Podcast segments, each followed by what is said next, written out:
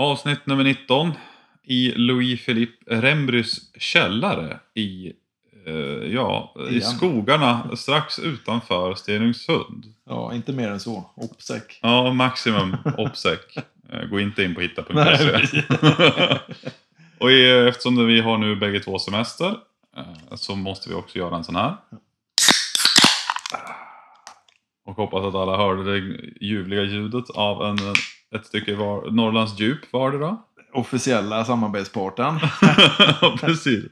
Brought you in cooperation with Norrlands Deep. Det är ju liksom den officiella skytteölen. Det har blivit en, gre- det har blivit en liten grej så här att alla så här, du vet, så här, bara, hur laddar du inför tävlingen? Så bara helgen innan så bara någon så får man en bild i chatten bara, det är en djup och så en grill ungefär.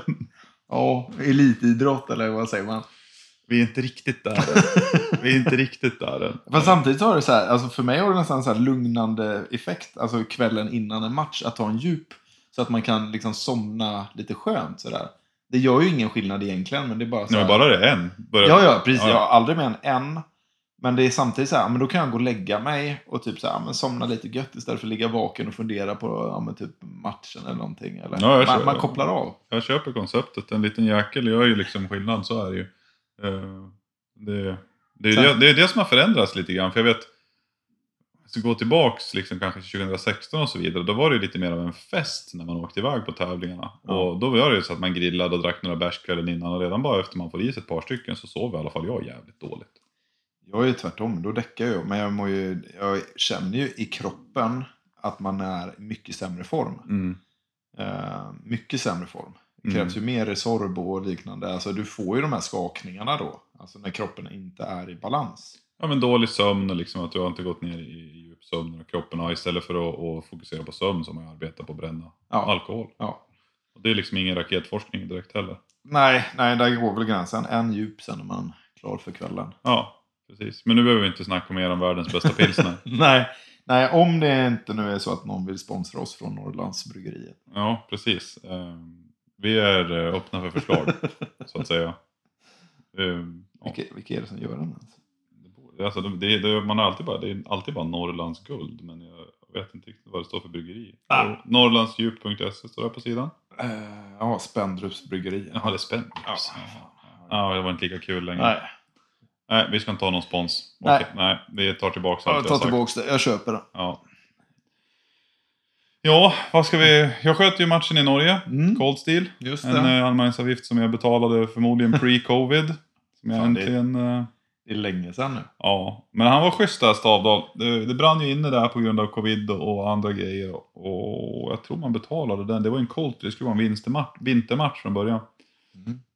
Och eh, så betalade jag den på hösten där och sen så blev det ju covid. Och, eh, då han sa ju det att alla som inte... Det blev, sen blev det ju reseförbud för svenskar och så. Ja. Norrmännen kunde ju skjuta den där, de hade ju inte lika hårda tävlingsrestriktioner. ja, just det. För den gick ju förra året och året Mm, jo, de har också. kunnat kört den hela tiden. För Ja. de hade som eh, utomhusaktiviteter med, jag tror det var ett par hundra Ja, personer. just det, det var ju det som var skillnaden Ja. där 2020, att de körde ju på. Ja, de dunkade ju på. Vi fick ju sitta hemma. Och då var det så att alla svenskar som deras anmälningsavgifter eh, fick vi använda sen i framtiden egentligen. Den, den satt kvar. Det är ändå så jävligt schysst Ja, den är att schysst. göra det. Det är ändå mycket kostnader kring en sån där tävling med mycket stål och då ett militärt fält och, och mycket tillställning. och Så, så att jag menar, den, jag tycker den var schysst. Ja, det är jävligt schysst. För jag menar, det är ju långt ifrån alla som kanske förstår vad det krävs att driva igenom en match och den ekonomin också. Ja, det, Så att, eh, ja, hatten av till Stavdal. Ja, stort jobbat faktiskt. Det är väldigt stort av honom. Eh, Tävlingen i sig var jävligt trevlig. Eh, Den var udda jämt mot vad jag var med att skjuta. Men kul, jävligt kul. Eh, Det var mycket run and gun. Eh, Första dagen så var det inte var målen jättelångt håll. Jag tror längsta plåten var väl på en... oh, Vad kan det ha blivit? En 400-500 meter. Eller fan, det var inte längre Nej, men första första var inte mer än 500. Och sen... eh, Men det var mycket som sagt, mycket målväxlingar och var det inte mycket målväxlingar var det mycket positioner. De har ju satt bilderna när ni springer, eller filmerna där inne Ja, i huset. När ni Precis, runt. jag har ju en hel del. Jag börjar lägga upp mer och mer på min Instagram där nu. Men, eh, Äntligen! Ja, jag vet. Jag har varit sämst på content så jävla länge. Men, Men du har också en fru som har följt med och filmat allting. Det gör ju en jävla massa. tack Anna. Om du nu lyssnar på det här och inte har fått nog av min röst till vardags. Finns väl inte ens en risk för att hon eh, nej, nej, lyssnar nej. nej. på det här? Bara, "Ah, jag måste lyssna mer på min mans röst. Liksom. Inte som man pratar nog om skytte i hemmet. Ja, herregud. Nej, men ehm, Vi började väl första dagarna där, det var, vi, var, vi sköt ju mycket, det var ju en sån här SIB, eh, SIB-stad som vi sköt i, stridig bebyggelse då, för, för oss som inte har gjort gröntjänst. Ja, nu heter det stridig urban miljö. Jaha, stridig bebyggelse tror jag det hette. Ja. Så jag kan ingenting. Eller militär operation i urban miljö. Heter det definitivt? Ja, med Mao. Jaha, okej. Ja, du, du ser. Det, det, men det byter ju namn lika ofta som jag byter kallingar. Var tredje år typ. Okej. I Norge så kallas det för SIBO. Ja, Sibo. Ja. Ja. Men allt är så gott där och så falsett på det. Sibo! Ja, ska det tas till Sibo Village då? Nej, men eh, mycket skott inifrån. Man sköt ofta från våning ett och våning två. Eh, på Sibon där så var det ju två av husen så hade man eh, eh, tre av husen egentligen. Jag tror tre av stationerna hade du ingen målväxling på. Och, eh, eller om det, jo, skitsamma. skitsamma. Ja. Det var, antingen, var, antingen var det väldigt mycket positioner eller väldigt mycket målväxlingar. In i husen, spring, ut med pipan genom små hål. Plåtarna var i milstorlek, inte jättestora, var mycket halvmillare eh, och även mindre. Som gjorde att det stundvis när man ska run and gun och du ska ner på en halvmilsplåt så inte alltid jättelätt, men det gick ju bra eh, för min del. Jag kom ju tvåa. Ja, Purvins det kom ettan, sex poäng före mig och sen var det väl sju eller åtta poäng ner till trean. Och sen, Vem var det som kom trea? För jag Ja, men det var, inte... nej, men det var, någon, eh, det var inte en sådär kändis. Jag pratade med Runar om det där. Han hade nyligen börjat. Han skjuter ju en Sauer STR i ett Vision- Vision-chassi. Åh fan. För jag, jag bara kollar upp honom för jag såg att Provins hade ju taggat honom. Ja, jag visste han... inte vem det var så jag kunde inte ta rätt på honom. Nej, men han hade ytterligare någon annan, eh, vad fan hette det? Se någonting Tactical eller Precision eller någonting. Han hade någon annan sida också.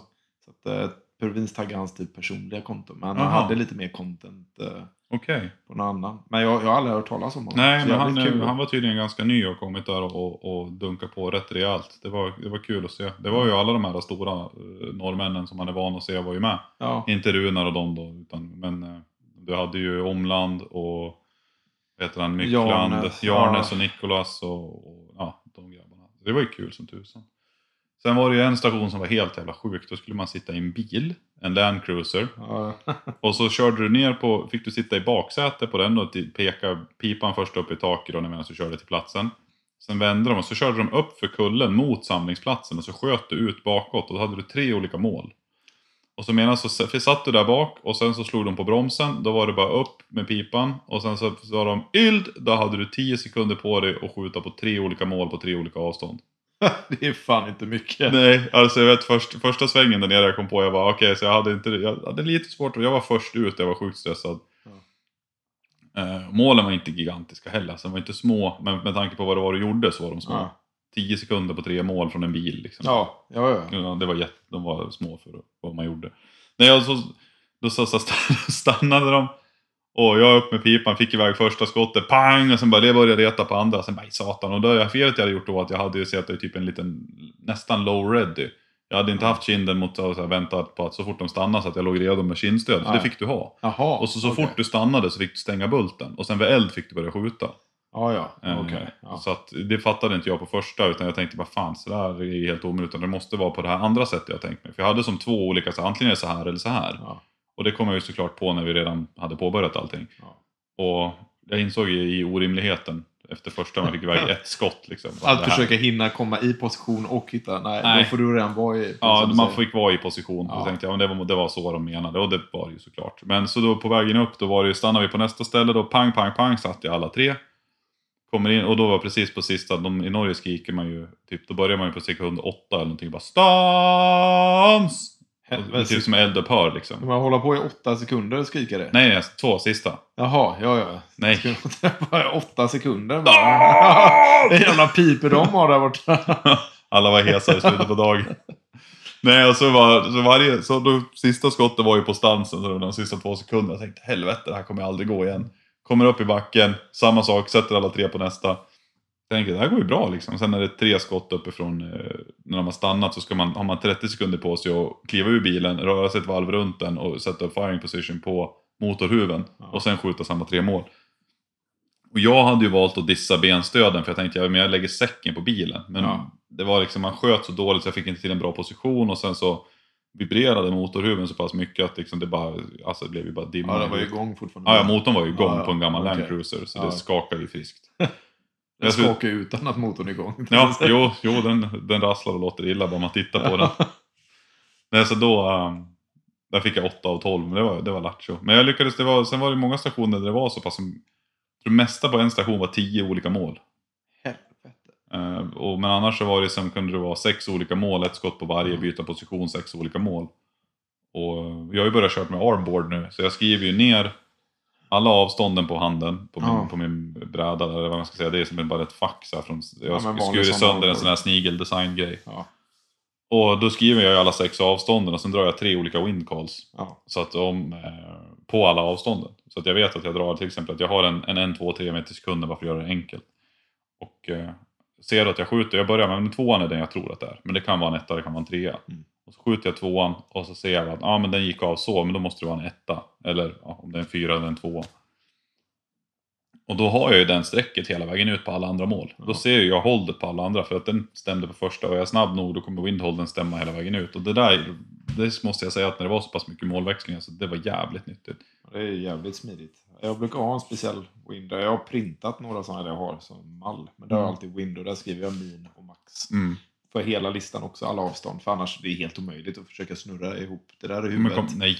Eh, och plussa på vad det blir. Så Nej. Det, det här det är jävligt bra att göra det. Ja, nej, det var någonting som jag tror det var första tävlingen jag verkligen tog det på fullaste allvar och, och skrev ner allt det där och jag tyckte att det var ganska nyttigt. Jag skruvade, jag tror det fanns en station där jag inte skruvade. Jo, jag skruvade inte obviously avstånden när vi körde bilen på 10 sekunder, det höll Nej. jag ju av förklarliga skäl.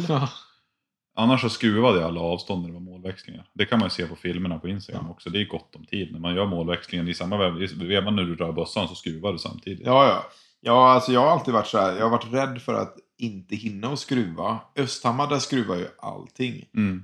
Ja, både, så här, både, du och jag, både du och jag skruvar ju Ja, men precis. Och där var man så här, fan man hinner ju utan konstigheter. ja. Men det är ju liksom så här hur väl du känner till, hur mycket du behöver vrida också. ja, och hur snabb du är på att hitta målet. ja. Det tror jag är den största biten när man fallerar på att man inte hittar målet. Man hinner ju gott och väl. Ja. Alltså skruva. Sen kanske det är vissa, typ som i Tyfors, där det var när du ska alltså, byta ja, men, varje gång. Eh, Diamanten och grisarna. Mm. Där skruvar ju inte eftersom att du byter varje... Nej, där skruvade jag på varje gris och sen höll jag diamanten. Och så Ja. hade jag ett annat håll på diamanten för varje gris. Precis, man får hitta något sånt. Men annars Ja. är det jävligt bra. Nej, det såg ut att vara en sjukt kul match. Jag var jättesugen verkligen på att åka och köra den. Men eh, ja.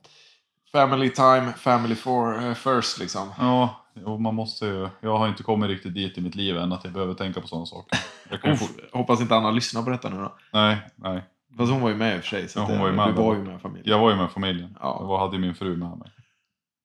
Så att, eh, vi får se när hon börjar tävla nu. Hon har ju min gamla ticka stående och väntar på Ja, henne. hon var sugen. Jag skrev till henne varför inte hon sköt.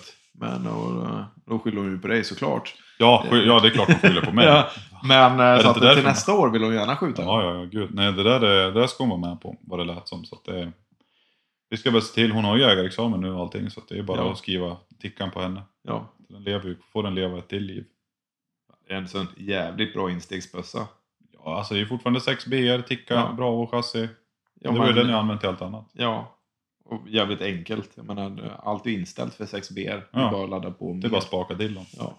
Hur lätt som helst. ja. Och sen Dillon då, då måste vi ändå förtydliga det. Jag vet inte om vi ska göra det nu. Men jag fick ju fråga varför jag ens hade köpt en autotrickler nu. Ja, Eh, ja, förtydligande då. Nej, vi gör inte matchammo på Dillonen. nej. Eh, det är ingenting vi åker med. Sån precision är det inte. Men på 300. Eller jo, precisionen är ju där, men du kommer Ja, få högre okej. ES. Så att en match på 300-500 meter, ja, där kan du göra det. Men ska du ut på typ, åker du till Norge, Tyfors, Östhammar eller så här. Då vill man inte få det där, liksom den där som kanske sticker. Nej, och så mycket tid som du lägger på allting så vill du inte ge det till slumpen på den sista biten med en laddning. Alltså, ja, nej, så att ett enkelt förtydligande. Nej, så enkelt är det inte så att all eh, matchammo laddas på en Dillon. Men däremot så jag har spakat nu tre gånger till, fyra gånger till att åka och träna på 300. Och fan, den stansar ju hål liksom. Alltså jag har inga konstigheter. Vår minsta plåt är 7, 7 gånger 7 centimeter. Den är inga problem alls att ta från en skill stage eller Nej, någonting. så det med sitter, ju Dillon inte där. spakat. Nej, det sitter ju inte i krutmängden på 300 och 500 meter. Nej, absolut inte. 500 kanske det börjar märkas, men alltså på 300 gör det ju absolut ingenting. Nej, Eh, det- så att, ja, då har vi dammat av eh, det där. Ja, Att, för det eh, känns som för varje, ända sedan vi började prata om att vi har Dillon så känns det bara, men det här då? Man bara shit, ja okej. Eh, Ja, det glömde vi ju. ja, ja, nej. Så håll er redo för avsnitt nummer 20 sen också där vi förtydligar ännu mer saker kring Dillon 750. Och eh, man kan väl säga så att ingen av oss är väl några handladdningsexperter heller. Alltså man gör ju ändå så, alltså, du är ju betydligt duktigare än vad jag är, men jag hittar ju en enkel väg till att hitta bra ammo. Sen så börjar inte jag undersöka mer i den saken. Nej, men alltså man håller ju inte på med det här för att det är kul att handladda. Jag hade ju så här. Ja, om vi säger så här. Hade jag bott i USA och jag hade haft ganska bra med pengar. Då hade jag typ ringt Clays Cartridge Company och bara hej, jag vill ha ungefär 4000 skott. Kan du fixa det åt mig så slipper jag den här skiten. Ja, ja, ja, hade det funnits ett billigt eller prisvärt alternativ, så ska jag säga. Till att någon hade fixat ett helt års ammunition till en. Ja, eller bara en quick fix på att jag ska bli rik. Ja. Så att jag har råd att någon fixar det åt mig. Enklare så. Ja. Men så, då kan vi stänga den. Matchammo, ja, vi fortfarande eh, gör det på labbradars, och, eller vad säger jag, autotrickler menar. Ja, Eh, precis. Sätter kulan på en arborpress och hela biten. Jajamän. Det är den vägen. Nej, så dag två på matchen i Norge, då bytte vi område och då var längsta hållet 750 meter. Ja. Tror jag något sånt. Fast det var bara några enstaka. Men de oftast var också där ute i max 500. Ja. 500-600 meter. Snitt var typ 400-500 på matchen. Ja, jag skulle säga att snittet var runt 400-500 meter Ja. totalt. Eh, kanske, ja, där i krokarna. Men de må- måste ha sjukt Eller jag tror det är mycket- mindre, för det var ganska mycket, det var en del plåtar som var mycket närmare också. Så att jag tror snittet Ja. var kanske 300-400 skulle jag tro. Det känns som att de har ju betydligt generösare regler oftast på mål och målutställningar. Eller så är de bara ännu mer um, alltså frikostiga med mål. Det var ju samma matchen vi var och sköt. Jag menar hur många mål hade de där? De hade ju kunnat duka upp ännu fler också. Ja, nu hade vi friheten att var ett militärt skjutområde. Ja. Eh, Jo men det andra vi sköt var ju en vanlig, alltså... En skjutbana. skjutbana. Ja, överlag så känns det som att deras säkerhetsaspekter, vad som klassas som kulfång, är mer realistiska än vad de är i Sverige. För där räcker det med att ja, du har ett berg bakom här, ja men det är okej. Ja. Ja, det är liksom så här, du skjuter in ett berg, det går ytterligare 50 meter upp på det berget. Det räcker. Typ så. Ja, det känns som det skulle vara något sånt kanske. För de kör jävligt mycket målväxlingar, vilket är väldigt kul. Alltså jag tycker det är bland det roligaste som finns. Ja, det är. Det är, det är kul. Det är kul. Det, det ska vi väl säga att vi har väl egentligen på, om man ser till både Tyfors och Östhammar också. Men vi har ju inte samma möjligheter att ha det på en vanlig skjutbana som de hade där. Nej. Den är lite, det är lite synd, måste jag säga. Men annars så var det, det var kul. Det var, vi fick pizza efter varje kväll. Det var pizzabaker, norsk pizza. Det är ju värt ungefär en Det är svensk... snordyrt ju. Ja men det är ju en årslön per person. Ja, helvete. Det är inte så att man åker över sundet Nej men det kom ju, pizza, liksom. de kom där med sin lilla pizzabakande bil så började jag kolla liksom om de hade liksom någon form av p-skydd till pizzaföraren. Du vet, hade han kroppsskydd på sig? Var det pansrat på insidan? Ett sockerskatt och Ja. skit där. Ja. Ja. Det är värdetransport med pizzabuden. Ja, ja, ja. Nej men det satt, det satt ju liksom en Säpo-bil där nere med, och koll, höll koll på dem. Nej, så det var, det, var, det var trevligt. Vi var pizza efter varje skyttedag och så grillade de lite barbecue på första dagen där så man hade någon Ja. form av revben med potatissallad och så här. Och, överlag bara jäkligt trevligt. Det var, det var, det var fint. Fin miljö, trevlig stämning, sjukt trevliga skjutledare. Alltså allt bara, det var bara en, en god experience. Det var vissa så stationer som man tycker var lite så här, nu man sköt från en, en, en trave med däck så här, som stod på varandra, som stod också på typ fjäll, björkris, alltså det var jättevingligt. Jaha, Ja. Då var man bara, mm, ja okej, ja den här kanske inte riktigt, bara, men men det liksom, resten var ändå så pass okej Ja. så att det var inte något man tänkte. Det oftast är det ju så. Det är ju sällan man känner en hel match där det bara så här, fan, det här var... Det var inte en enda station som var dålig. Ibland behöver man ju sådana Östhammar. utfyllnings... Östhammar, okej. ja, Östhammar var... Eh, Östhammar var jävligt bra. Det, ja, det kanske var den här jävla pin, plockepinn-historien. Ja, den var, liksom. det var gränsfall. Ja, den var ändå men- stabil men det var ändå så pass ont om Ja. tid så att det var så här, ja men det var gränsfall. Okej då, okej inte en enda match var Nej. 100%. Tack, då, har vi, då hade du rätt i den då. Förlåt, jag ber om ursäkt. Så, så. Jag tar tillbaka det jag sa tidigare. Ja, eh, spela, tur att det här spelas in. Ja, nej.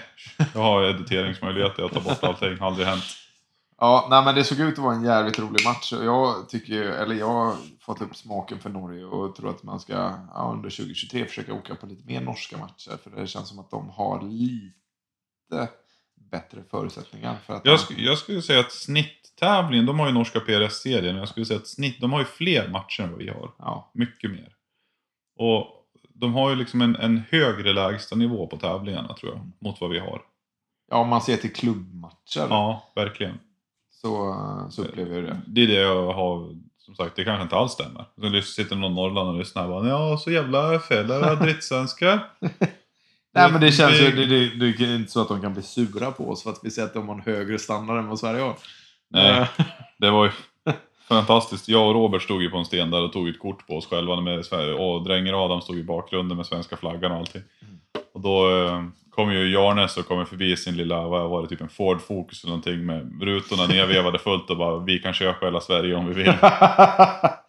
ja, det kan vara det kaxigaste fotbollstifot jag någonsin har sett. Ja, liksom. Eh, att, Och, att de eh, stod med det, liksom, att vi kan köpa Sverige om vi vill. Det mest fantastiska är ju att eh, Adam kom ju sen bara ja, så det var jag som, eh, jag kan inte ens göra hans dialekt, jag är sämst på allting söder om Dalälven. Ja, man har någon form av, jag vet inte, Blekinge, Skåne. Ja, Skåneblekare. Men eh, Jarnes hade ju inte hört den där innan.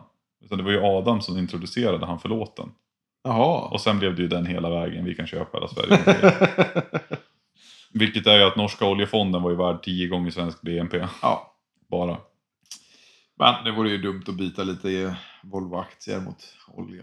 Mm, förstår inte hur man någonsin Nej. skulle kunna tacka, tacka ja till en sån deal. Nej, inte jag heller. Men, men. Halva Volvo mot halva Statoil. Ja, Ja, ja. Nej, onödigt. jag hade tagit, gjort precis inte samma beslut. nej, nej. Men det var en bra match då. Ja, det var kul. det Det, var, det var kul. Eh, stundvis, alltså det, var, det som var lite var så här, ibland kände man att ibland var plåtarna små. Mm. Och ibland kändes de stora. Det var så här, det var... Jag tror det är svårt att, att, att, dimensionera när snittavståndet är så pass... Alltså det blev lite så här... När fokus, fokuset var ju run and gun. Ja. Och då kan du ju inte ha för små plåtar. Eh, Men, Men- men, ibland kändes det även under run and gun som att jävla vad små de var. Och sen är plötsligt nästa station så är det inte säkert att de var mindre men de, de kändes liksom helt Det är klart, du annorlunda. kan ju göra helt annat. Att liksom inte behöva förflytta dig så mycket och ha 04 ja, alltså plåt. Kontra att du ska typ sladda in och hitta en position för att springa till nästa sen. Och Ja. 04. Det, det gör en jävla skillnad. så det var den där sista som jag hade som stressade som mest för vi var väl fyra stycken som hann klart alla. Och Ja. ingen fick alla träff. Nej. Alla, vi var, resten hade, alla hade, vi fyra hade elva träff tror jag det var. Ja. Och det var den som också jag la upp film på. Men då var det åtta positioner, 12 skott på två minuter. På Ja. två våningar i ett hus. Ja, det är jävligt tajt. Ja, jag trodde inte att jag kunde röra mig så fort. Nej, det var nog ingen som trodde det. Nej, det var, det var kanske därför de applåderade, inte över träffarna. Nej, precis. Jaha, Ja. jag trodde det var för att man kunde skjuta, men de bara du kan Nej, springa, ja. bra jobbat. Fan, det vore fysiskt omöjligt att du kan röra dig så. Ja, nej, det är, jag bröt mot fysikens lagar. Ja, Nej, men alltså det är inte så farligt, det är bara liksom idissla hamparet. precis. Färdig, bajsa färdigknutet och tacklast och rep eller? Ja, nej, det var väl en sån bra uppladdning för VM också. Ja, det är alltid kul och, och för det kändes liksom som att Alltså det sköt ju tätt som fan, det var det som var så kul. För jag kom ju till en stage då. Kom ju Fredrik Vatnedal fram där och bara Fan det är helt sjukt alltså. De, jag, tappade, jag tappade ett skott på den. Men han sa De sex sista skotten Så drog han ihop pekfinger och tummen på typ kan det ha varit? 400 någonting meter. Så bara satt så här. Sex skott i rad. Och så inom, vad kan det vara? Tre centimeter. Ja. På det hållet. Och jag bara fy fan. Och det var liksom från, från påse och barrikadställning. Ja. Så det, Det, det vet känns... man att det sitter. Ja, det Även känns... om det är ganska... Alltså, 3 centimeter på 400 meter, det, det är för fan absurt bra. Ja, alltså speciellt från ställning. Ja. Det var ju det som var så här, shit, oh wow. Oj, oj, Oj, oj. oj, oj. Oj, oj. ja, det, Ja. här, det här verkar funka då. Ja. Men eh, det, jävlar vad många det var som så de bara, ah, men vad kör dina A-tips i då Marcus? Jag bara, 8-10. ja, för nu körde du den långsamt också. Ja, ännu långsammare. Jag är Ja. nere på 8-10 nu. Det är rätt långsamt ändå. Ja, men det skjuter så in i helvete. Ja, men skjuter du bra, jag menar egentligen farten, alltså vi kör ju på ja, kända avstånd på allting. Ja, men alltså annars så kör ju folk typ en hybrid eller någonting. Så kör de 830 eller något sånt där. Och jag har ett högre BC, så jag menar, det vill säga att mina, mina A-tippare hade ju fortfarande 0,2 bättre windcall än en, en 105 BTHP i 870, 880 eller någonting. På 700 då. Ja. Så det är så här bara, ja. Ja, ja, alltså det gör inte. Det blir jävligt behagligt att skjuta med det också. jävla lättskjutet. Så att det... Ja. Det, det där. Men jag, jag sitter och spekulerar lite i om jag ska ta näst, nästa piporna blir nog en 28 tums pipa och så kan man köra, så får man upp farten lite fast med samma rekyl. ja. Men det är så här, jag vet inte, det får bli till nästa år. Jag Det- brukar inte besvära mig så mycket. Det där är också den eviga debatten med folk. Vad ska jag ha för profil på pipan? Hur ska jag vikta balansen? Vad ska jag för 26 eller 28? Ska jag ha den eh, bla bla bla och man bara, "Men fan skruva bara i skiten liksom. Det mesta funkar ju. Alltså, Jag menar så länge det är HV eller MTU-profil eller tyngre eller motsvarande hit och dit jävla, det är så här bara skruva i skiten och Ja. skjut. Ska du ha 26 tum eller 28 tum, det spelar ingen roll. alltså jag märker inte ens skillnad. Jag har ju gått från 26 till 28 nu. Ja just det. Eh, märker ju ingen skillnad liksom, alltså från barrikadsätt eller vad man ska säga. De här typ 4 centimeterna till. Nej. Det är, det är absolut ingen skillnad. Nej, och jag menar farten skiljer ju så pass mycket mellan olika piper att det spelar ingen roll heller. Ja, jag är identiskt på min, mellan min 28 och min, 28, eh, min 26 och min 28 nu. Samma laddning, samma fart, samma träffläge, alltihopa på Ja, och bägge det, två. och det betyder ju att din 28-tums pipa är ju långsammare än 26 Ja. Så att då är man ju glad att man tog en 28 ändå. Även Ja, det inte- det hade inte spelat mig någon större Nej. roll ändå om det var lite långsammare. Men eh, det var skönt att eh, slippa liksom, laddutveckla Ja, nytt nästan. Det är ju, vad är det, 3, cm, 3 meter sekunder per centimeter som du lägger på. 2 tum i 5 centimeter. Ja, Ja, det, det är liksom försumbart. ja. Det är ingenting. Nej. Det är 15 meter sekunder. Ja. Så det är ingenting man behöver eh, lägga för mycket fokus på. Nej, nej. Men imorgon så bär det av. Imorgon, äntligen. Det känns som, eh, jag vet inte, man har pratat om det här sen. När fan var det det togs beslut? Det var det inte ungefär i samma veva som New Mexico? Nej, nej, nej, nej. Fan, du lyckas ändå så alltid hitta ett sätt i New Mexico. Det blir en grej nu, det är så Ja. jävla kul. Nej, men vad är, när är det som vi började med det här? Är det förra året? Förra året var väl kvalen klara. Var det typ augusti-september någonting? Ja. För jag vet när du ringde och sa liksom att ja, men nu har du kvalificerat in dig för en plats. Då kändes det som att det var oändligt med tid. Mm. Det var jag sa att du har kvalificerat en plats, du ska skjuta tillsammans med Anders Modig och då kom ju frågan, är det, är det för oss som är brutalt överviktiga? Nej, riktigt så var det nej, inte. Men... nej, nej, men det hade kunnat vara. Fan, finns det en klass för oss tjockisar också? ja, sen former action guys liksom. och Precis. sen bara, Vi har ingenting att bevisa längre så vi kan bara äta. ja det är lugnt. Har Ja. gjort allt coolt redan. Ja. Nej, men imorgon bär det av.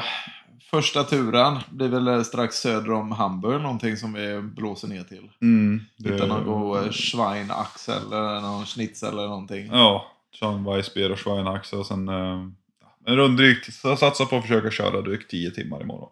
Ja, det blir rätt lagom. Och sen kvarta och sen köra sista sex timmarna ner ungefär. Ja, det är väl någon 6-7 timmar ner dit. Så är man där i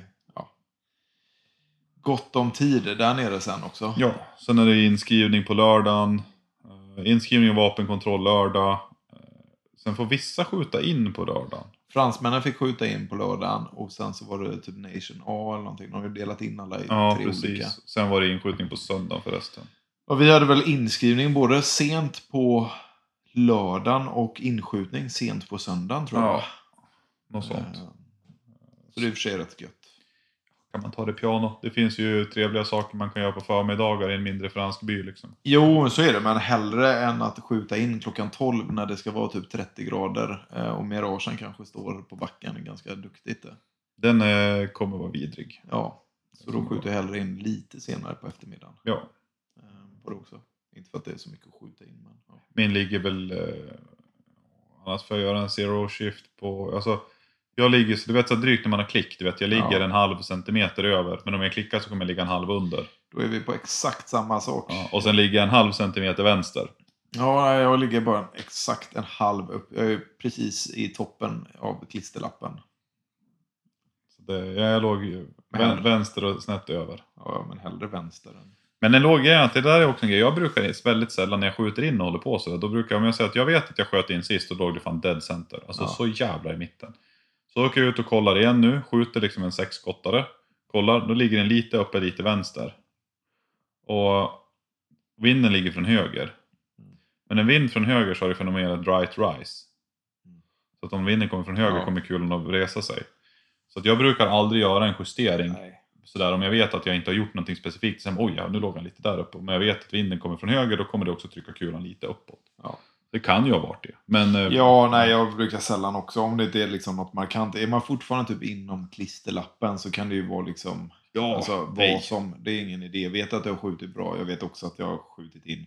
Och den är dead center. Mm. Och så nu var man lite högt. Ja, det kanske var vad fan som helst. Man kan ha högt blodtryck, Ja, dålig personlighet. Typ så, det finns många grejer. Men är du fortfarande inom klisterlappen liksom, så är det ju... Ja, det är inget att bry sig om. Nej, det där är, jag, jag besvärar mig inte särskilt mycket mer med det. Utan den får, den får ligga där, sen provskjuter vi i Frankrike och ser och ligger det liksom inom, inom en centimeter från mitten, då får det ligga där. Ja. Plåtarna är aldrig så små ändå. Eller jag vet inte, det är VM, jag har ingen aning. Nej, vi får ju matchboken först när vi registrerar oss. Ja. Så att, eh, det får vi ju se då. Eh, det ska ju också bli intressant att se både squads och så få läsa igenom matchboken. Ja, det är väl squadsen är satta som så att varje, man registrerade ju alla i, i, i satt efter vad man hade placerat sig under sitt nationskvalificering. Alltså jag, jag kom in på tredje plats i Open då. Det betyder att jag är klassad som tre, nummer tre i Open och då kommer man alltså sa alla som är nummer ett från varje nation i Open, dela ut dem på squads. Ja. Eller jag tror de skulle... Jag tror man skulle försöka skvadda alla som var ett Så du gör supersquads typ? Ja, typ. Så att alla som är ett kommer att skjuta med ettorna. Ja. Och två och tre, så jag kommer skjuta med alla som är rankad tre då. Ja, Eh, Men sen kan det ju också bli blandat med de som är ettor beroende på hur det ser ut. ja, precis. Eh, Det där. Men det är så som var tanken, vad jag har förstått det som. Jag kan ju ha fel. Det är ju, de är ju fransmän. Kanadensare. En fransk, ja. ehm, precis. Ultimate. Ballistics, företaget bakom, eller FRPRA, det här är liksom en teknikalitet som man kanske kan få förklara. Men FRPRA, alltså den franska Precision Rifle Association som håller i VM. De har i sin tur anlitat det företag som de har använt för sin serie. Som är typ ett eh, skytte-event scoring-företag som heter Ultimate Ballistics som är baserat i Quebec, Kanada. Det är typ som shoot and score. Ja men typ shoot and score, ett practice score fast de har liksom försökt ta det till nästa nivå lite grann. Ja. Och, eh, så de kommer att och, och sköter ju scoring, de har, det är de som alla har registrerat sig hos, webbsidan och så vidare. Så att fransmännen, det de har gjort, de har, byggt, de har gjort allting on the ground. De har sett till att de har byggt barrikader, de har sourcat allting, de har satt stål, allt det där vidare. Och sen registreringar, poängräkning och allting annat, det sköts av eh, fransk-kanadickerna. Ja. Quebec. Inte ens är det att säga fransk kanadiker, för de är ju bara kanadiker. Ja, fast nej. Det finns någon jävel där som är fransman också. Så, Eh, Ja, alltså det är flera av dem som är med som är fransmän. också. Så det är tyvärr. Det är ju dina landsmän. Ja. Så går någonting åt helvete kan du inte bara skylla på kanadensare. Men de har ju inte gjort ett fantastiskt bra jobb än så länge. Så det finns ju förbättringspotential. Ja. Vi behöver inte gå in på några djupare detaljer. Men det, det, det finns ju punkter som vi kommer att behöva förbättra till nästa gång. Om man säger så. Ja.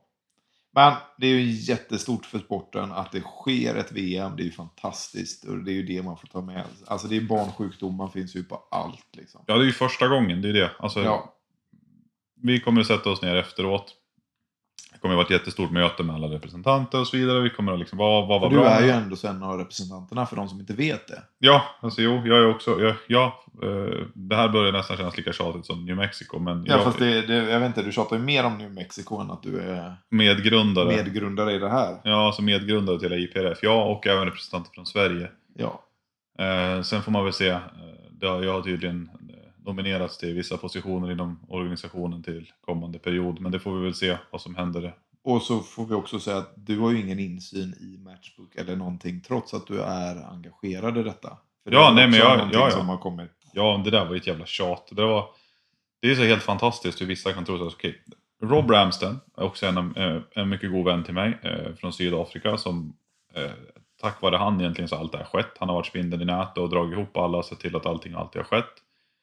Han är också väldigt erfaren inom strukturen när det kommer till idrott och så vidare från, från hästvärlden. Då. Han är ju sån här vet du, fältryttare och sånt där grejer, hästpolo och grejer.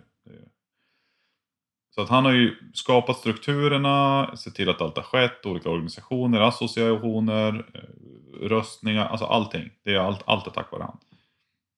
Och efter finalen i Frankrike så insåg vi var ganska många att det finns det finns lite, lite så här förbättringsmöjligheter på den franska hur man designar en match i Frankrike. Mycket så, en del saker, jag skulle säga att 65-70% av den matchen var tänker på deras final. Ja, finalen som vi sköt i maj där, Ja, ja, ja. eh, innan jag åkte till New Mexico. Ja, innan New Mexico. Det är så här post-corona, pre-corona, pre-Mexico, post-corona.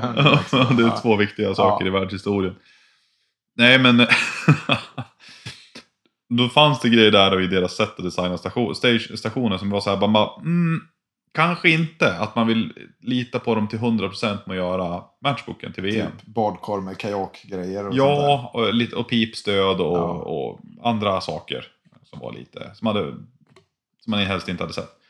Men så det Rob gjorde då var att han satte sig ner, han var där uppe och, och kollade till, han flög upp eh, enbart för att kolla till anläggningen och assistera fransmännen inför VM. Så han liksom öppnade egen plånbok. Vi har ju fortfarande inte tagit in några pengar i PRF. Så det finns inget land som betalar medlemsavgift ännu. Fan, Det är rätt sjukt att flyga från Sydafrika liksom upp till Frankrike för att Ja, bara han, kolla han, ställen. han, eh, han gjorde ju det jag gjorde. Jag åkte ju till Ungern och kollade VM-banan. Ja, det jo. blev ju inte av, så att, men det var ju en resa som man fick öppna plånboken för. Och han öppnade den och körde en ännu längre resa från Sydafrika till Frankrike. Ja. För att se till att liksom, hur ser det ut? Hur ser banan ut? Vad finns det för möjligheter? Och så vidare. Och så antecknade han förbättringspunkter och eh, sen när han kom hem så satte han sig egentligen med en penna och papper och ritade lite grann på vad han tyckte var vettiga stationer med rimliga avstånd och målväxlingar och allting. Och så skickade han upp det till fransmännen och eh, sa att det här är en baseline eh, som ni bör gå efter. Och sen så får ni såklart göra justeringar efter vad ni anser vara görbart och så vidare på marken. Men ungefär så här bör det vara för att det ska hålla liksom en bra internationell standard. Och det här är någonting någon hade behövt göra i vilket fall från någon av de som är med i PRF. För grejen är att alla som är engagerade i, IPRF PRF skjuter ju på VM. Oavsett land. Alla skjuter. Fransmännen gjorde lite justeringar.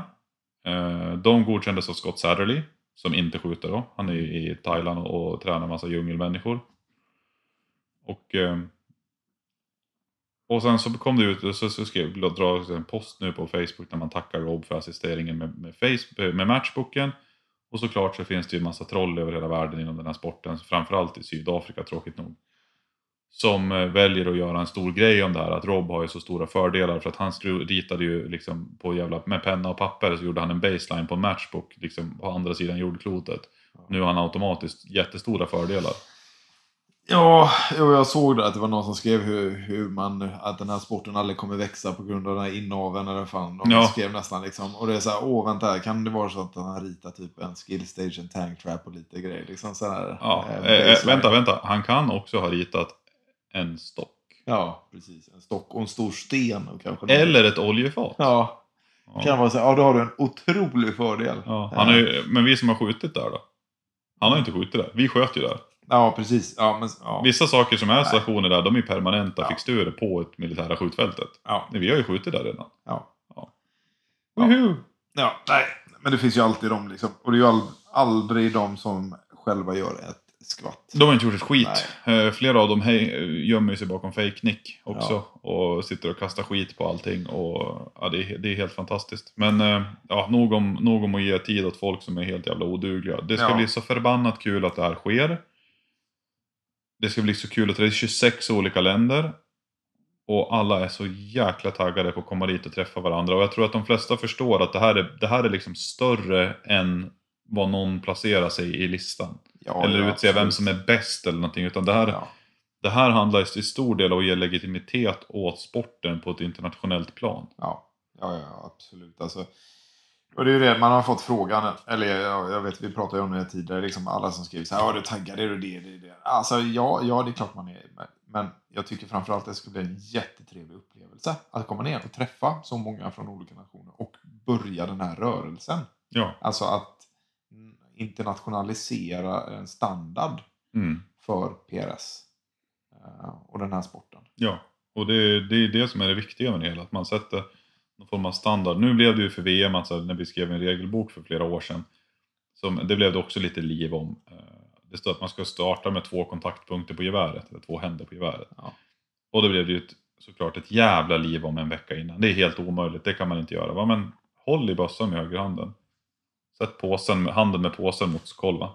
Ja, sen får du starta. Ja. Och det, såklart, det, det var fullt rimligt när vi skrev in det, typ 2018 eller något sånt där. Det fanns en tanke bakom det, som jag inte kommer ihåg nu.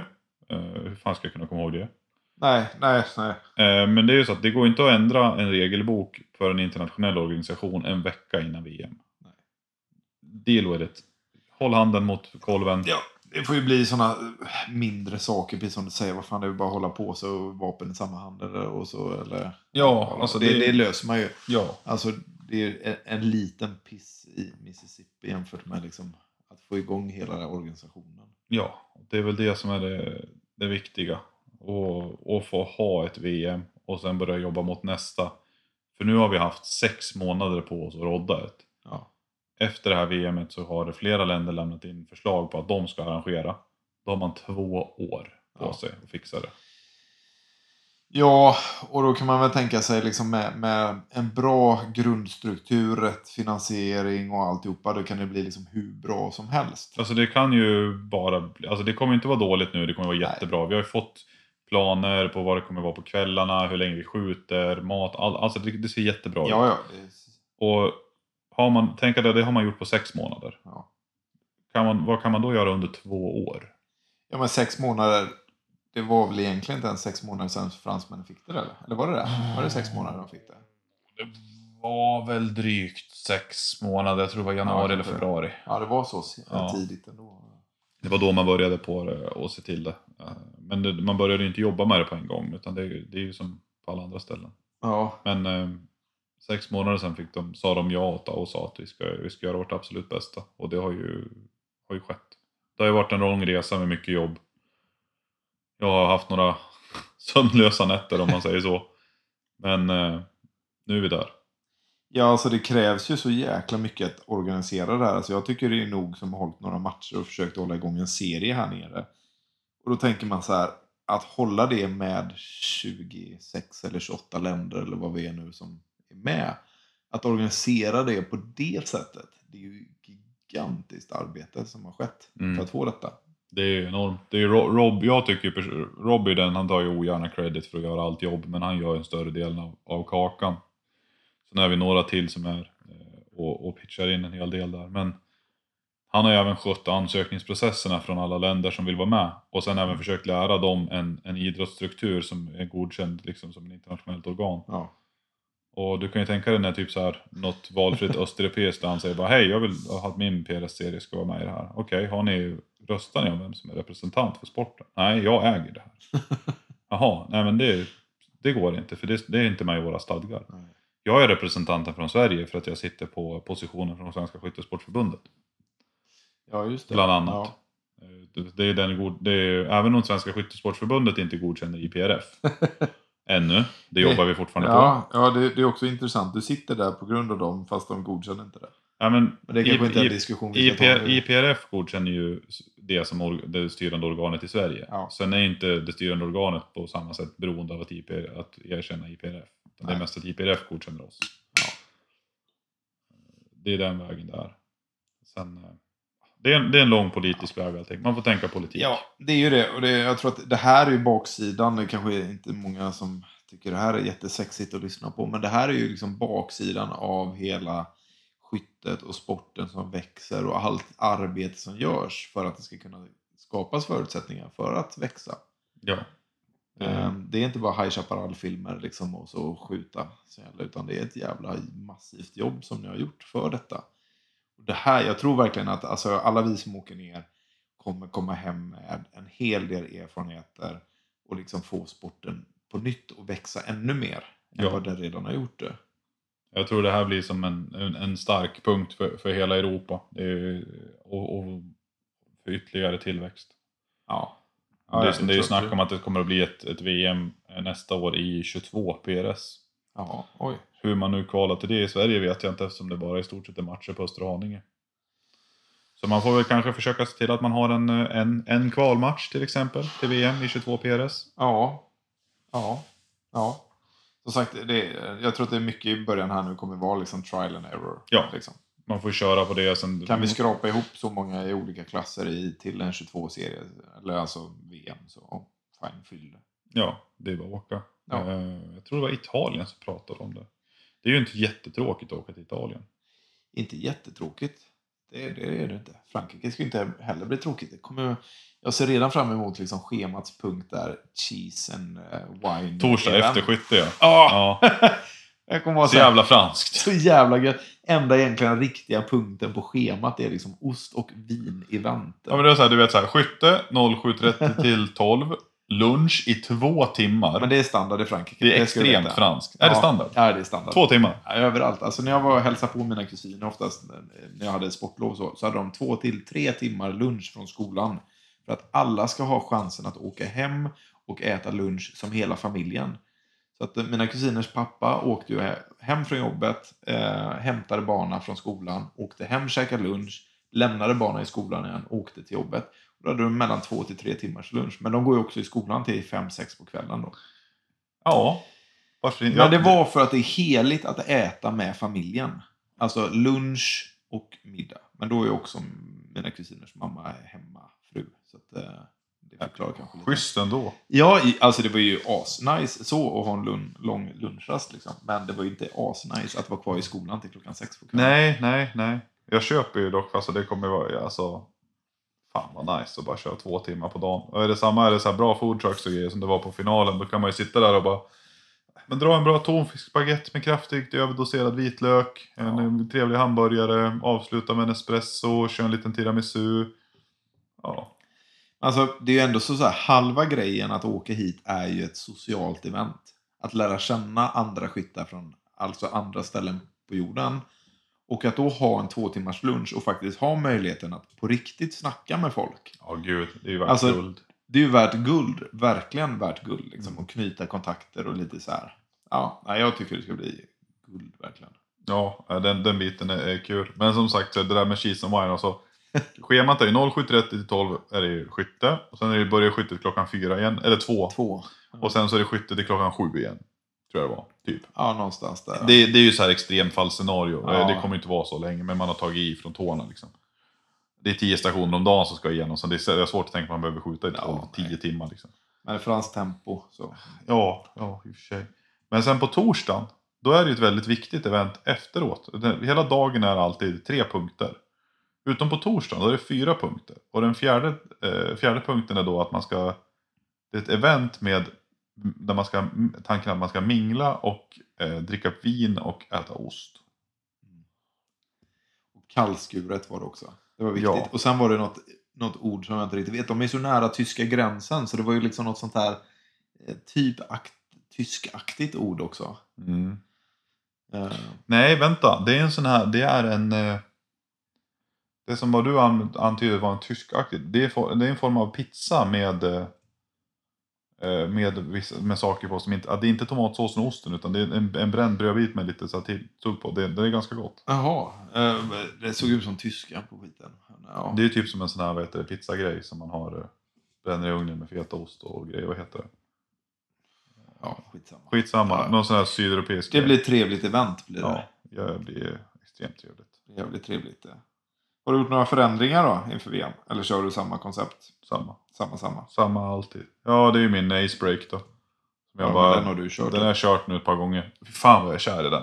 Ja, men det är många som jag, jag har ju testskjutit den och jag måste ju faktiskt säga att den är jävligt trevlig. Alltså inte för att vara säljpushig, men eftersom att den, den riktar portarna liksom rakt åt sidorna. Slipper, alltså man hör ju skillnad när du står bredvid, eller du känner skillnad som RO när du st- står Du bredvid. känner skillnad som skytt. Ja, men det kan jag tänka mig också. Jag hade ju skruvat den lite snett, som för mig drog den ju lite snett. Men jag kan tänka mig att centrerar och lägger lite tid på den där så blir den jävligt bra. Ja, nej den där är sjukt, eh, RO sa att generellt sett blivit väldigt förvånade. Och det jag märker som mest är ju att efter en lång tävling så mot slutet av dagen så du har kvar, jag tycker jag har kvar fokusen bättre istället för att få massa blås bakåt och, och sådär. Ja, Jag satt ju, jag testade det där och så satt jag bakom skyttarna lite grann så beroende på vad de körde för broms. Så satt jag med handen på, på plåten på typ en folkabuss eller någonting. Eh, Där i Norge. Och Ja. så kände jag liksom, och då var det typ så här, apa fat bastard. Hela bilen höll på att skaka Ja. sönder. Det var jag så jag bara, det är inte sant. Sen var det någon norsk broms och jag bara, shit det här var också liksom really bad. ja. Sen var det någon som kom med så här och sköt en broms med portar åt lite an. Och man kände en enorm skillnad. Men det man märkte på om någon körde med en broms som var portad rakt till sidorna, att det blev ingenting. Nej. För du har ju inget tryck som går bakåt. Och går trycket bakåt så påverkar det själv din skalle och i slutändan så jag menar den där tryckvågen går ju rakt genom hjärnan. Ja, ja, ja alltså, Det är som att du får en liten jabb hela tiden. Ja, jag har inte så mycket kvar i huvudet så jag, jag är inte så lidande av den här Klart bakåt! typ så. men, eh, men det gör, alltså man känner ju det när man står bredvid. Att det är en helt, och när jag sköt den också, var jävligt trevligt. Så att, eh, det hade ju varit en dröm att försöka suga åt sig en sån där jävel på, på VM. Du är typ inte den enda. USA-lackade. Du är ju liksom. inte den enda. Nej. Alla skitmånga bara, jag ska försöka få med mig en ace hem. Ja, Eh, men jag var rätt sugen på han, alltså Morgan Kings guldiga broms. TNB ja. ja. ja. Men det sjuka är att jag räknar på vad en sån, om en butik i Sverige ska ta hem en TNB. Eh, Korak Store kommer inte, ha- har ju beställt Ace-bromsar, Ja, typ just det. 40 stycken. Ja, Eh, de kommer kosta nj, två och halvt plus minus en hundring. ja. Beroende lite på. Och det är ju rimligt pris för en broms. Det ja, det, det är det ju. Eh, Vad kostar en Fat Bastard? Eh, tre. Tre, typ. 3000. TNBn ligger väl på 350 dollar i USA. Ja, Och jag börjar räkna på om du, vad, vad, man får, vad man räknar på att, hur vi gjorde kalkylen på Acebreaken. Jag var ju med när Pontus gjorde den. Så gjorde jag samma kalkyl på, på TNBn till vad retail, alltså ingen dealer price eller någonting. nej. Då skulle den med frakt, exportavgifter, tull, moms och allting så här till slutkund. De måste tjäna en liten peng på det. Så skulle den kosta mellan 7 och 7 500. Men då har du tunen också. Inte för att det är något jätte... Men det är grejen att också, jag tror man måste, man måste, för att den ska passa så måste du skära pipan på ett specifikt sätt. Du kan inte bara montera den på en pipa med M18-gänga. Du måste inte, du måste det ta, deras säljande koncept att du bara skulle kunna montera på den skiten? Jo, men du måste ta, jag tror du måste ta ner fronten på pipan. Ja, jag låter det vara osagt. Eh, Jag skrev lite med han BJ som har det där nämligen. ja, Eh, för han var så här, ja men eh, jag kan nog skicka till Sverige. Jag var så här, absolut det kan du. Men kostnaden blir helt brutal för mig här.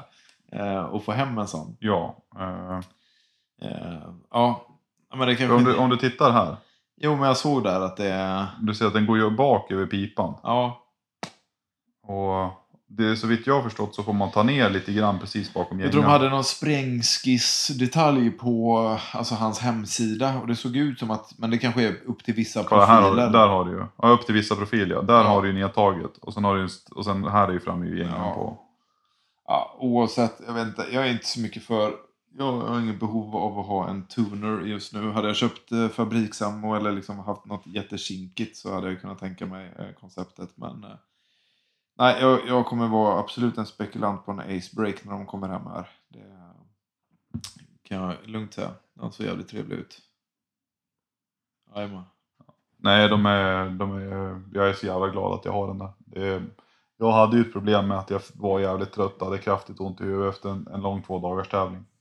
Och bytet av broms har gjort att jag håller fokus längre och inte får ont i skallen. Och det där är ju, alltså det där är ju individuellt också liksom. Alltså för det är så jäkla känsligt. Som Ymer upplever jag ju, nu har jag ju någon hybridbroms här som är lite under prototyp fortfarande. Men den upplever jag som mycket mer snärtig när du skjuter, alltså som skytte. Ja. Eh, när du skjuter. Eh, men Acebreaken är jävligt trevlig på det. Den blir mer liksom en så här, eh, vet Ymeren och din, jag har ju testat den som, som du har då bland annat. Och det blir mer liksom, det som, som du säger, den är snärtig, det är som bara, liksom är, Medan Acen är mer liksom att det blir bara, bah, Ja. och sen är det borta. ja. Är, det, är det enda förändringen? Eller förändring, du har ju kört den nu tre tävlingar eller? Ja. Ja, Eh, ja men det är väl det, alltså det är, ja, jag körde den i Rauhella, eh, Dyfors och sen körde jag den nu. Ja, tre tävlingar. Den, den är, ja, nej, jag kan inte, jag vet, jag, man skulle ju kunna tro att jag hade ekonomiska intressen i den här. Which I fucking don't. Jag önskar, jag men- önskar att jag hade. Ja, nej men det där är väl viktigt att säga också. Att man inte har. Ehm, Ja, för jag- sen kommer det komma ah, Marcus får säkert massa pengar för att han skjuter acebreak. Ja. Mm, jo. Eh, Och så här, nej, det, det är samma, jag har fått frågan typ så här, ja, men får du någon kickback från Korax eller? För då är det så mycket Korax-reklam så här. Nej, mina fakturor är hos Korax, jag är ledsen, jag betalar dem liksom. Alltså Pontus eh, bjöd ju mig på kebab sist. ja, jag har i och för sig fått en hoodie av honom. Nej, jag rekom- alltså det är väl samma, jag tror att vi bägge är likadana där. att Vi rekommenderar ju ändå så folk som vi gillar, som gör bra för sporten, som kickar tillbaks. Det är samma, jag tycker det är skitkul. Korax finns på typ varenda prisbord. Pontus är sjukt involverad själv i PRS. och är Alltså, alltså, eller bägge alltså, i Korax är ju asgoa gubbar liksom. ja, ja, ja, svinsköna. Det är, Och sådana vill jag ju stötta. de är ju tre i, Korax. Tre till och med. Mm, fast ja. en av dem jobbar inte så mycket i butiken, han är delägare och Ja, ja. sköter eh, annat sånt. Ja, Men han är också sjukt trevlig. Ja. Nej men så att. Nej, vi har inga ekonomiska eh, kickbacks på någonting som vi pratar om. Utan vi, vi stöttar bra jag säger, saker, jag säger bara köp på Korax tillräckligt många gånger och sen hoppas jag få en till kebabtallrik. Jag hoppas att få en ny hoodie eh, för att min börjar bli solblekt. ja, ja. Eh, Nej, jag bytte från min schmidium nu till dränger. Jag har haft dränger som min andra säck hela tiden, men nu börjar min schmidium läcka överallt. Överallt. Vadå, den håller inte? Håller inte. eh, Sandkornen är för fina tror jag för själva tyget. Det är samma, jag lyssnar, jag kommer inte ihåg om det var Miles to Matches eller vilka det är som säger det och de är så här, ja men vi räknar en säsong på en inte. Men då har du, så här, du har mjukheten i tyget, Mm. för den är extrem. Det är, det är som mjukisbrallor. Jag har aldrig varit med om Ja, en säck som är så följsam och mjuk. Men nackdelen med den blir ju också att den läcker. Och det är inte bara min, utan nu pratar vi, vad är vi, tre pers på klubben som har den. Eh, min har väl läckt mest eftersom att jag har kört den kanske intensivast på matchen. Ja, ja. Eh, jag vet ju Adams läcker också. Eh, ja. Så det- de det gör det liksom. Alltså det är så här standard för att få, du kan inte få allt. Du kan inte få hårdheten och liksom följsamheten. Det där är någonting jag måste slå ett slag för Webaden. Alltså jag har ju misshandlat skiten ur de som jag har haft. Du vet, jag har haft dem fyllda med sand, de har varit tunga. Du vet, det är så här, jag har kastat dem, de har åkt mellan props. Jag har aldrig, de har aldrig läckt. De har Nej. aldrig gått sönder. Min första smedium gick ju sönder när jag bar den i handtaget här hemma efter jag hade fyllt Ja just det, jag kommer ihåg det. Det var ju då jag skulle få en ny. Ja, eh, det var ju också så här bra grej. Eh, men sen har jag ju, många har ju sagt att de äldre smediumen har ju hållit mycket bättre. Så jag vet inte om det är någon produktionsskillnad nu att de försöker eh, snika upp på det. Men eh, efter Tyfors där så börjar jag se, Östhammar läckte den ju redan liksom. Eh, men det är ju liksom så här, det läcker ju inte mycket utan det sipprar ut lite. Mm. Men det är tillräckligt för man känner på en match liksom. Ja, ja, det är så Att- pass till och med. Eh, man är så här, mm, ah, jag är inte jättesugen på det. här. Hur många gånger till kommer den orka och bara sippra ut innan det läcker ut? Ja. Så att, eh, nej, då bytte jag till min eh, Dranger. Drager. Dranger bag. Drängersäcken. Den Ja. har jag också kört som min andra säck här. Eh, så det är typ det enda. Jag har en Fat nu också, den stora. Ja, jag kör med bägge. Både widen och fat-touren. Ja, Eh, ja samma så här. det är, Eller, stand, det standard. heter inte Wide längre, det heter ju Mjölni nu bara. Ja, Ja. Mjölnir, Den, den, den current Mjölnir Ja. som var wide förut. Precis. Och sen Fat Touren som är ultra wide. Jag har med mig bägge två. Ja. Jag lånade ju en eh, Up Ranger Pack till VM också. Jag sa jag bara... Jag vet inte vad jag har gjort med mitt liv innan den där. Nej men alltså, det, det är, när jag köpte den, alltså när vi snackade om det första gången där. Alltså jag tror inte folk förstår hur skönt det är, oavsett om det är Up Ranger eller kameraväskan. När du har allting i fack fördelat på en match så vet jag alltid exakt vart alla mina prylar är. Det är inte så att jag letar runt ett bollhav längst ner i ryggsäcken. Nej. Man öppnar och där är det. Och fördelen är också med den där hårdplastsidan utåt sett. Så att när du tar av den från ryggen och bara lägger ner den så är det ju liksom en, en, en hard surface som är... Det suger inte åt sig lera eller vatten. Det är bara Nej, nej. plast liksom. Ja, det, du behöver inte bry dig om vad du skickar ner den där på. Det är liksom oavsett. Ja, den är så jävla magisk. Den är så magisk. Jag måste köpa en sån där. Eh, Det blir ju Ja, det blir personalköp sen. Att vi- du inte har den är jag lite förvånad. Nej men det är ju så här, ibland så får man ju fokusera på att eh, få ut sakerna till sina kunder. Ja, tack. Och ehm, ja, varsågod. Så både du och Pontus har ju de kanske två sista som vi hade i lager och leveranstiderna på saker som är restade hos Everly Stock kan vara väldigt långa. Ja. Där har jag då lånat min.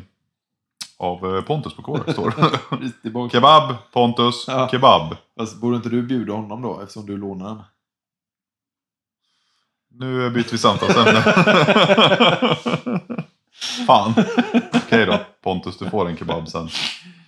Nej, men jag tror att vi åker med ganska identiska. Det är ju rätt skönt också att åka så här som du och jag gör. Att vi åker med nästan identiska setuper. Ifall det skulle vara något så vet man så här, okej, men det finns en bössa till eller tillbehör. Alltså det finns en typ nästan identisk. Vi kan ju switcha bolts mellan varandra. Ja, Eh, trycken mellan varandra. ja.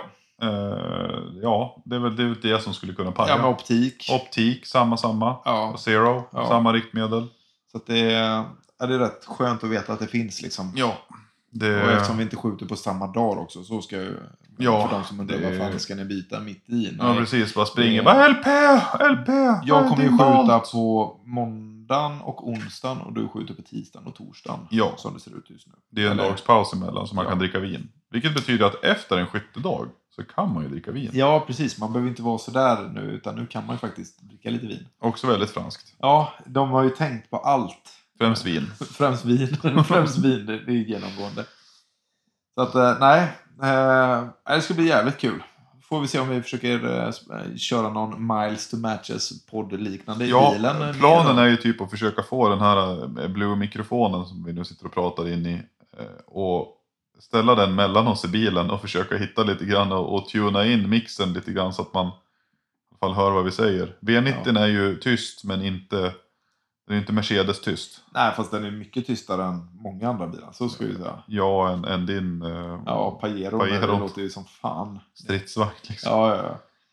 Uh, nej, får se. Så blir det att försöka hålla lite uppdateringar på Instagram. Och... Då ringer vi med en live-uppdatering hur det ser ut när man åker genom reeperbahn i Hamburg. just Och just och så- också. och så kollar vi till höger. Ja.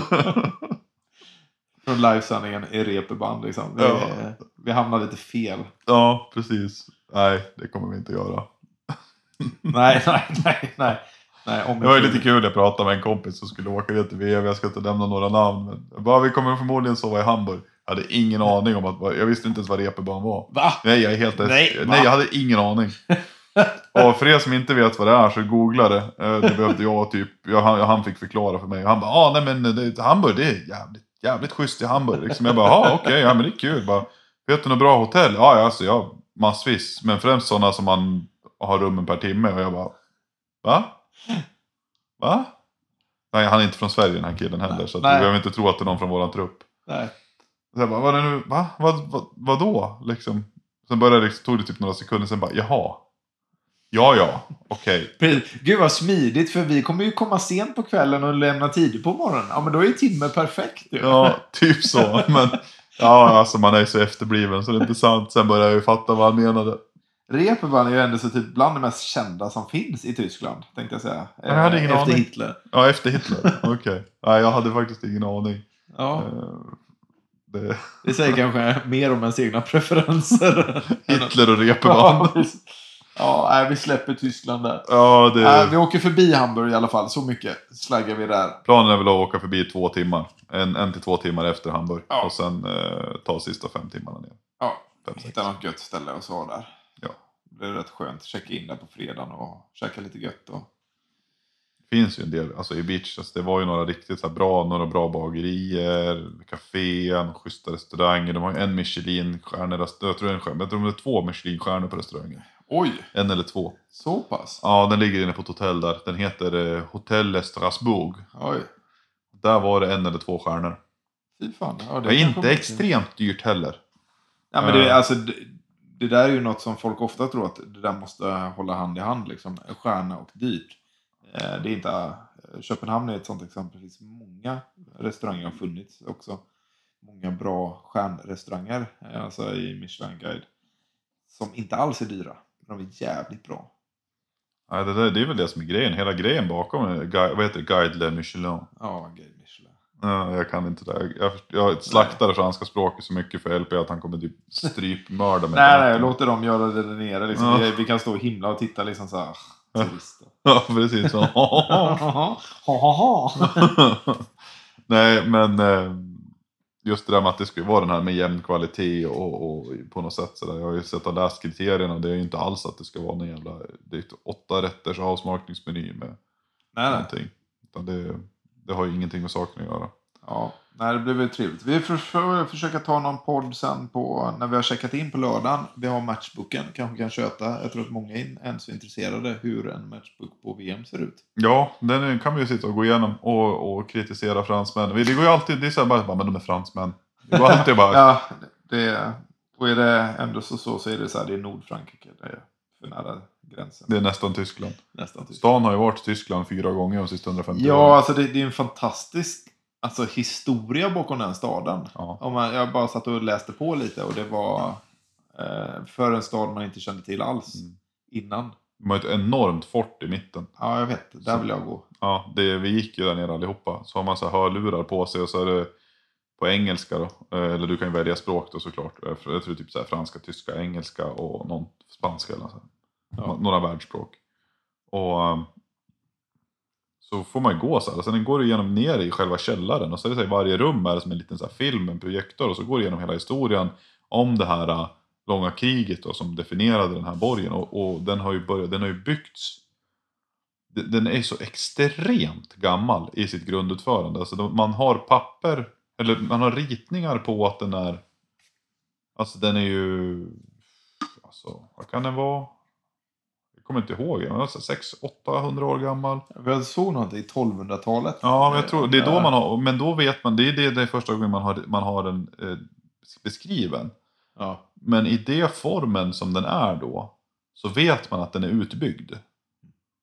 Så att den är äldre än det. ja, det är saker vi får titta upp. Det är coolt i vilket fall. Ja, det är jävligt coolt. Det är svincoolt. Men du, nu har vi tjötat jävligt länge. 65 minuter och 14 sekunder. Det är inte längre än så ändå.